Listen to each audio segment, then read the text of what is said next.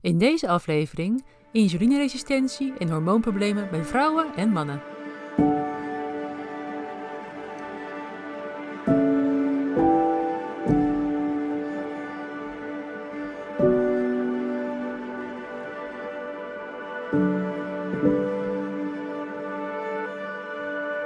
Dit is de Keto Podcast. Mijn naam is Louise Blikkenhorst. Van harte welkom bij aflevering 31.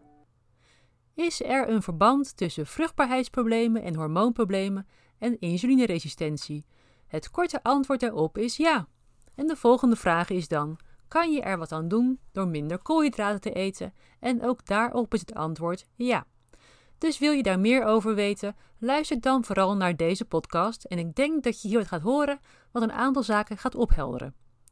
De volgende punten wil ik vandaag bespreken de invloed van insuline op de energiehuishouding en hormoonbalans, insuline en vruchtbaarheid bij vrouwen en PCOS, insuline en de mannelijke hormoonhuishouding, insuline en oestrogeen en insuline en de overgang.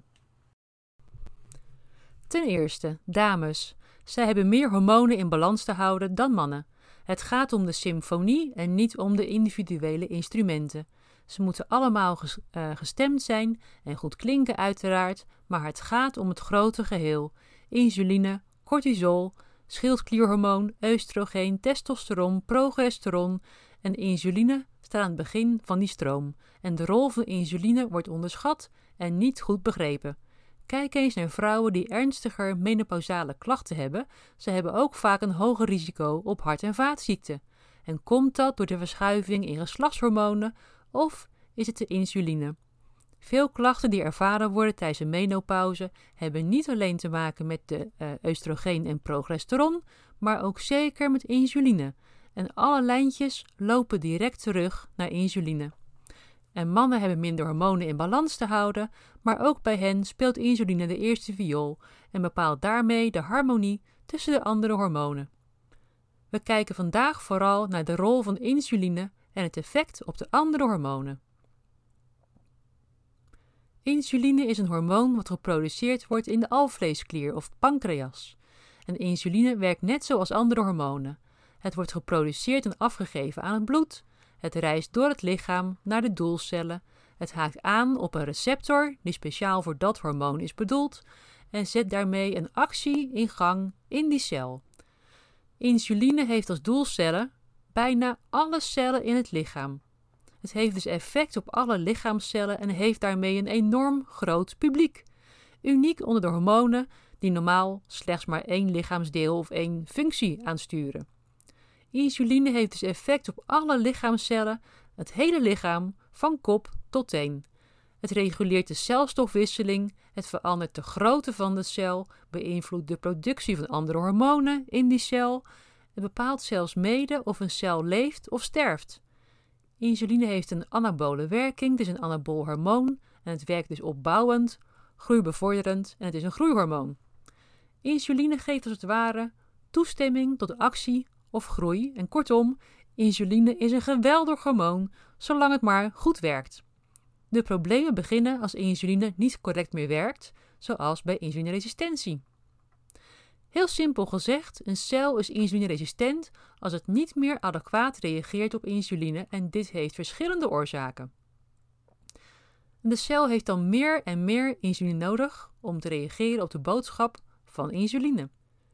Kenmerkend voor insulineresistentie is verhoogde insulinewaardes in het bloed. En langdurende insulineresistentie leidt tot hyperinsulinemie, hoge insulinewaardes in het bloed. En hyperinsulinemie is uiteindelijk het echte probleem. Een ontregelde bloedsuikerhuishouding is eigenlijk slechts het topje van de ijsberg. Als we dan kijken naar de invloed van insuline op de geslachtshormonen, dan zien we het volgende.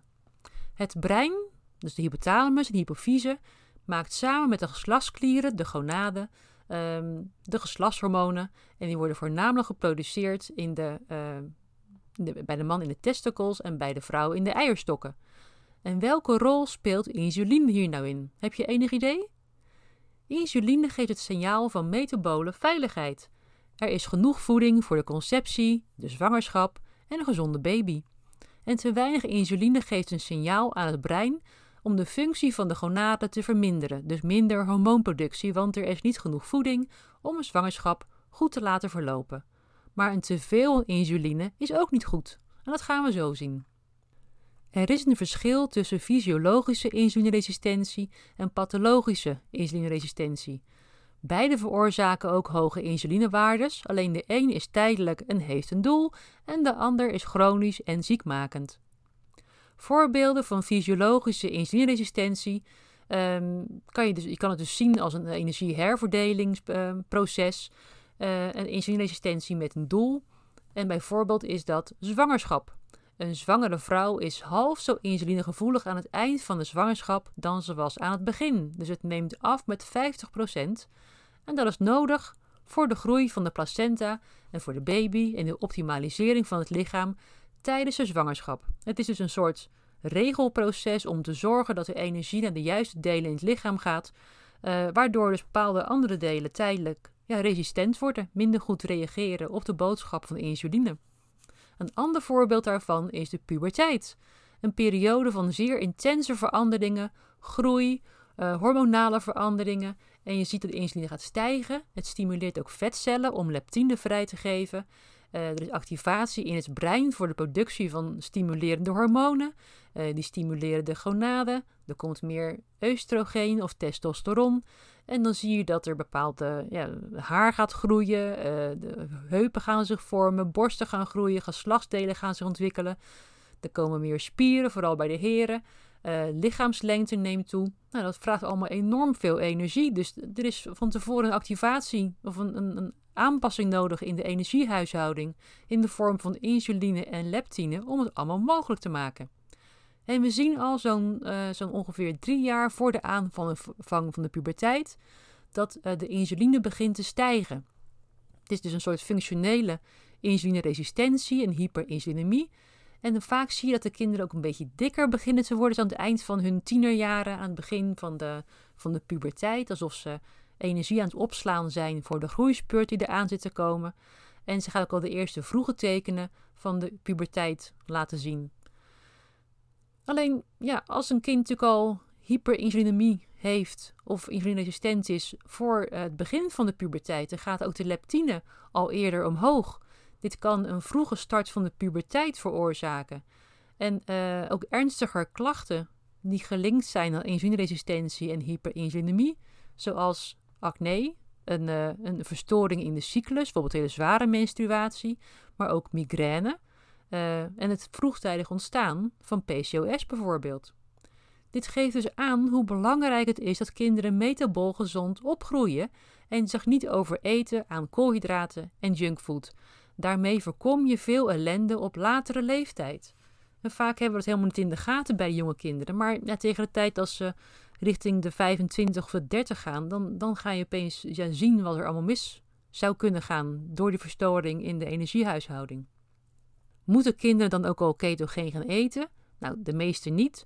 Uh, gewoon minder koolhydraten, meer goede eiwitten en goede vetten geeft al een veel gezondere energiestofwisseling. En is zeker de moeite waard om te gaan doen bij je kinderen. Tweede voorbeeld, zoals ik, of het eerste voorbeeld wat ik al noemde, is uh, de zwangerschap. Ook voor vrouwen die zwanger willen worden, is het zaak de, uh, om insulinegevoelig te zijn en geen hyperinsulinemie te hebben. Hiermee kan het risico op een aantal complicaties bij de zwangerschap sterk verlaagd worden. Denk aan um, problemen als zwangerschapsdiabetes of zwangerschapssuiker, wordt ook wel genoemd. Uh, ontstaat vaak in het tweede trimester en het geeft kenmerken van diabetes, zoals uh, vaker plassen, meer dorst. Uh, het kan bijdragen aan een, aan een grotere baby. Um, en het kan zelfs oorzaak zijn om de bevalling eerder te laten plaatsvinden, dus een, een inleiding bijvoorbeeld. Uh, en is ook verhoogde kans op miskraam of een vroeggeboorte. En zwangerschapssuiker geeft ook een hoger risico op pre-eclampsie of zwangerschap, uh, zwangerschapsvergiftiging. En daarbij zien we een hoge bloeddruk, eiwitten in de urine, hoofdpijn, misselijkheid. En uh, ook daar is een rol weggelegd voor insuline. Die zorgt namelijk voor verhoging van de bloeddruk, voor minder bloedtoevoer naar de placenta. En de placenta maakt daarop een signaal-eiwit en stimuleert daarmee de vorming van nieuwe bloedvaten om er aan voldoende voedingsstoffen te komen. Maar dit werkt niet heel goed bij uh, pre-eclampsie, omdat er ook een receptor aangemaakt wordt die zich bindt aan dit signaal-eiwit en het inactiveert. Het gevolg daarvan is een lager geboortegewicht van de baby, een zeer hoge kans op een vroege keizersnede of een inleiding. Het is nadelig voor de placenta, maar ook voor de nieren van de moeder, want ook de nieren hebben dat signaal-eiwit nodig. De nieren kunnen hierdoor lek worden en eiwit komt in de urine. Uiteindelijk kan dit dodelijk zijn als het niet op tijd ondervangen wordt en behandeld wordt. Het kan uiteindelijk zelfs leiden tot het HELP-syndroom, H-E-L-L-P-syndroom, uh, wat uh, bekend staat vanwege de verhoogde afbraak van rode bloedcellen en een gestoorde leverfunctie en een tekort aan bloedplaatjes voor de bloedstolling. Um, insulineresistentie is hier niet direct de oorzaak, maar speelt zeker wel een grote rol. De kans op complicaties is gewoon veel hoger. Dus moeders met een bestaande insulineresistentie of uh, zwangerschapsdiabetes Um, die geven ook vaak minder borstvoeding, terwijl borstvoeding na de geboorte de manier is om insulinegevoeligheid weer te herstellen. Een verstoorde insulinehuishouding heeft ook invloed op de cyclus. Even in het kort, um, dit is ook alweer hoe de cyclus verloopt. De, je hebt de hypofyse, hè, dat regulerende deel uh, en, en ja, producerende deel in het brein. Dat maakt het FSH-hormoon, het follikelstimulerend hormoon. Dat zorgt voor de groei van follicels, die zich kunnen uh, ontplooien tot eicellen. En één eicel daarvan wordt dominant. Dat produceert dan heel veel oestrogeen, een soort van piek ontstaat daar. En dat is een signaal aan de, aan de hypofyse dat er een eicel klaar is. Um, de hypofyse scheidt dan het andere hormoon af, het LH of het luteiniserend hormoon. Uh, die dominante eicel komt dan vrij in de eileider, dat is de ovulatie. Oestrogeen daalt dan weer sterk en de overige eicelletjes die, uh, die degraderen en verdwijnen. Uh, en progesteron stijgt in afwachting van de bevruchting en een zwangerschap. Nou, als de eicel dan niet bevrucht wordt, dan daalt aan het eind van de cyclus de progesteron sterk en dat leidt tot menstruatie. Onthoud dit even, want het is de uh, het aanloopje naar het volgende onderwerp, namelijk PCOS. Het is goed om te weten dat uh, vrouwelijke hormonen worden geproduceerd uit mannelijke hormonen. Testosteron wordt via het uh, enzym aromatase omgezet in oestrogeen. Alleen nu blijkt dat een teveel aan insuline de aromatasewerking remt. Dus minder oestrogeen en minder sterk signaal naar de hypofyse toe, waardoor er minder FSH en LH wordt geproduceerd. Ehm, minder vaak ovulatie of zelfs een uitblijvende ovulatie. En die follikels die blijven bestaan, die, die kunnen dus wel groeien, maar rijpen niet, de eitjes komen niet vrij. En dit leidt tot een onregelmatige cyclus, het uitblijven van ovulatie en menstruatie en is uiteindelijk de oorzaak van onvruchtbaarheid bij veel vrouwen. Minder androgene hormonen worden dus omgezet in oestrogeen. Dat leidt tot een hoger testosteron, want dat wordt nog steeds wel aangemaakt, alleen niet omgezet in oestrogeen vanwege ja, die vermindering van aromatase. En wat zien we dan bij deze vrouwen? Ze krijgen wat mannelijke gelaatstrekken, meer gezichts- en lichaamsbeharing, maar soms ook krijgen ze te maken met ja, mannelijke kaalheid, dus dunner wordt het haar op het hoofd. Uh, een hoge insuline leidt vaak ook tot donkere verkleuring in de nek of in de hals maar ook kenmerken als steelvratjes, acne en hoge bloeddruk. En dit zijn nou precies de kenmerken die ook passen bij PCOS, het polycystueus ovariumsyndroom.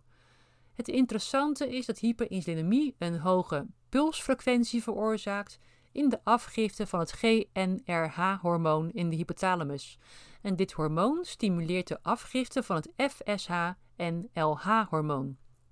Normaal gesproken wordt FSH afgescheiden als de frequentie van GNRH laag is en wordt er LH afgescheiden als de frequentie van GNRH hoog is.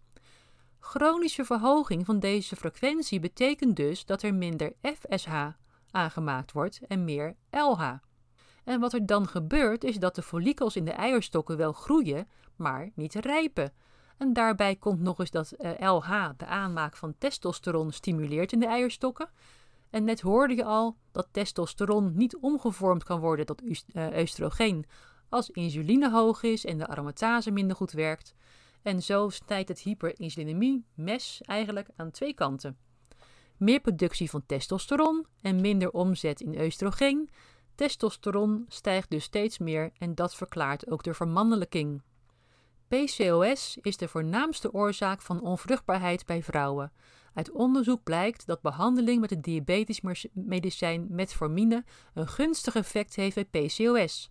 Het helpt namelijk de bloed- en insulinespiegel te verlagen. Klinkt ideaal, zou je zeggen, maar het nadeel van metformine is dat het nogal wat bijwerkingen heeft. En onder andere dat het de opname van vitamine B12 verhindert. En het is algemeen bekend dat lage B12-waardes in het bloed de oorzaak zijn van vele symptomen en zelfs van neurologische aandoeningen. Het goede nieuws is, kan ik alvast zeggen, dat beperking van koolhydraten in de voeding veel beter werkt, duurzamer is en geen bijwerkingen heeft. Het lijkt mij een hele duidelijke keuze. En dan de mannen. Ook die hebben uitdagingen door insulineresistentie in hun hormoonhuishouding. En kenmerken die daarbij horen, of klachten die daarbij horen, zijn erectiele dysfunctie, oftewel erectiestoornis, mannelijke kaalheid en benigne prostaathyperplasie, oftewel een vergrote prostaat. En we beginnen met de eerste, erectiestoornis, de meest voorkomende oorzaak van onvruchtbaarheid bij mannen. Normale hoeveelheden insuline zorgen voor vasodilatatie, voor uh, vaatverwijding. En dat is de voorwaarde voor een goede erectiele functie. Een insulineresistentie van de binnenwand van de bloedvaten maakt dit moeilijk. Er is dus een verband tussen uh, erectiele dysfunctie en hart- en vaatziekten. Die hebben vaak dezelfde onderliggende oorzaak, namelijk het insulineresistent worden van die cellen in de binnenwand van de bloedvaten, waardoor die, bloed, die, dat, die wand van de bloedvaat stug wordt en niet meer goed kan uitzetten of samentrekken. Mannen met uh, erectiestoornis hebben ook duidelijk een hogere HOMA-IR-index. Eh, dat is dus de relatie tussen nuchter glucose en nuchter insuline. En opvallend is dat metformine de klachten van erectiestoornissen kan verbeteren. Dus ook daar zou ik zeggen, um, laat de metformine aan de kant liggen en um, beperk de koolhydraten in de voeding. Dan tweede punt wat ik net noemde, de mannelijke kaalheid Daarbij speelt uiteraard een genetische component een rol, maar ook hyperinsulinemie. Volgens een recente meta-analyse hebben deze mannen kenmerken van insulineresistentie, zoals een hoge, hoge HOMA-index, verhoogde triglyceriden, een hoger BMI en een verhoogd LDL-cholesterol. Ook zien we hogere niveaus van testosteron, DHEA, LH en prolactine, en deze hormonale patronen zijn vergelijkbaar met die van vrouwen met PCOS en de raakvlakken met alle andere kenmerken zijn opvallend. En dan tot slot de vergrote prostaat. Bij mannen met een vergrote prostaat was er al een link tussen de toename van de groei van de prostaatklier en nuchtere insulinespiegels. Hoe hoger de insuline, hoe sneller de groei. prostaatgroei bij mannen was uh, sneller bij mannen met diabetes type 2, uh, verhoogde bloeddruk en obesitas. Insulineresistentie in combinatie met een hoger BMI kan het uh, aromatase-enzym opreguleren, waardoor de omzetting van testosteron en oestrogeen bij mannen wordt verhoogd. Tot slot is er nog het uh, IGF-bindend eiwit IGF-BP3, dat zich bindt aan IGF-1, dus het insulin-like growth factor, het insuline-groeihormoon is dat, en de activiteit ervan vermindert. Dus een hoge insuline en een lage ratio van het uh, IGF-BP3 Ehm, ja, eiwit en PSA, het uh, prostaateiwit of uh, prostaatmarker, wordt geassocieerd met een vergrote prostaat. En ook hier bleek dat diabetesmedicatie een gunstig effect heeft bij de vergrote prostaat. Dus ja, alle drie deze verschijnselen bij mannen blijken in meer of mindere mate te maken te hebben met insulineresistentie en hyperinsulinemie. Ook hier is het beperken van de koolhydraten in de voeding een gezonde keuze. Uh, in ieder geval gezonder dan slikken van medicijnen. En ik durf niet te beweren dat de haargroei helemaal terugkomt, maar je kunt wel zorgen dat jonge jongens al insulinegevoelig zijn en metabol gezond zijn voordat ze de puberteit ingaan. En wil je nou weten of je insulineresistent bent en te maken hebt met hyperinsulinemie, laat het dan testen. Zoals je in een eerdere podcast hebt kunnen horen met Harriet Verkoelen, kan het tegenwoordig zeer goed getest worden. Het maakt ook meteen duidelijk hoe je metabole gezondheid is en in hoeverre je hormonale klachten hiermee te maken kunnen hebben. Dan wil ik nog in het kort even uh, ingaan op de relatie tussen insuline en oestrogeen. Inmiddels weten we dat hoge insuline een probleem is voor de oestrogeenhuishouding en het gaat nog een stapje verder dan dat. Insuline stimuleert de expressie van de oestrogeen-alpha-receptor en dit stimuleert de celdeling. Een lagere insulinewaarde brengt een andere oestrogeenreceptor tot expressie, namelijk de oestrogeen-beta-receptor en deze remt juist de celdeling. Ik ga hier nu niet dieper op in, maar denk eens aan de link tussen deze receptoren en hormoongevoelige borstkanker. Insuline doet het borstweefsel groeien en niet het vetweefsel. In hoeverre insuline hier een aandeel in heeft, is niet helemaal duidelijk, maar het is in ieder geval goed om het in je achterhoofd te houden. Onderzoek liet zien dat er in tumorweefsel in de borst zes keer zoveel insulinereceptoren zitten en insulineresistentie en hyperinsulinemie geven een slechtere prognose. Het onder controle brengen van insuline levert een betere prognose op bij borstkanker. Ook is er een link tussen insuline, eh, de prostaat en celdeling, dus prostaatkanker. Uh, ook daar zien we verhoogde hoeveelheid insulinereceptoren en uh, hebben mannen met insulineresistentie 250% meer kans op prostaatkanker. Onderzoek bij zo'n 500 mannen liet zien dat hoge insuline positief gelinkt was met prostaatkanker en niet met hoog glucose. Hoewel een hoger glucoseverbruik in de cellen dus wel een gevolg daarvan is. Het is niet de oorzaak. Ik heb tenslotte nog een uh, interessant feitje over de link tussen de hormonen oestrogeen en testosteron en de vetverdeling op het lichaam. Oestrogeen zorgt niet voor meer vet, maar wel de plaats van het vet. Dus waar komt het te zitten? En dat is dus meestal op de benen en de heupen. En testosteron zorgt voor vetafzetting op de buik. En als dit uit balans is en er is te veel aan een van die twee hormonen, dan kun je dat terugzien in de vetverdeling. En nu je weet wat de link is met hyperinsulinemie, is het dus goed om daar wat mee te gaan doen, zoals een koolhydraatbeperkt dieet. En dan nog een uh, stukje over de insulinehuishouding uh, in de overgang. Um, en hoe je door de menopauze uiteindelijk insulineresistent wordt. Oestrogeen helpt namelijk de insulinesensitiviteit te behouden. Daling in oestrogeen is toename en insulineresistentie, maar net zagen we dus ook dat daling in aromatase leidt tot hoger insulineresistentie. Dus ja, het zit elkaar, um, ja, het houdt elkaar in balans, maar het kan ook elkaar verergeren. We zien ook een duidelijke connectie tussen insuline en opvliegers. En we weten ook dat hoe meer adrenaline er in het spel is, hoe hoger of hoe, hoe meer de hitte ervaren wordt. Ja, en wat zien we van uh, bij adrenaline? Dat verhoogt de bloedsuikerspiegel en verhoogt daarmee ook de insuline. Dus zorg ook tijdens de menopauze voor genoeg ontspanning. En ga uh, niet vasten als dat niet lukt, want uh, vasten in deze periode kan juist zorgen voor hogere stress. Uh, en misschien ben je er meer mee gediend door juist gewoon drie keer per dag een goede maaltijd te eten. Die voldoende eiwitten bevat, misschien wat koolhydraten, niet te veel natuurlijk, en ook wat goede vetten. En dat geeft vaak minder stress dan wel vasten. Dan tenslotte nog iets over de ouder wordende man en vermindering van testosteron. Ook dat leidt tot toename van insulineresistentie. Maar wat kan je daar nou aan doen?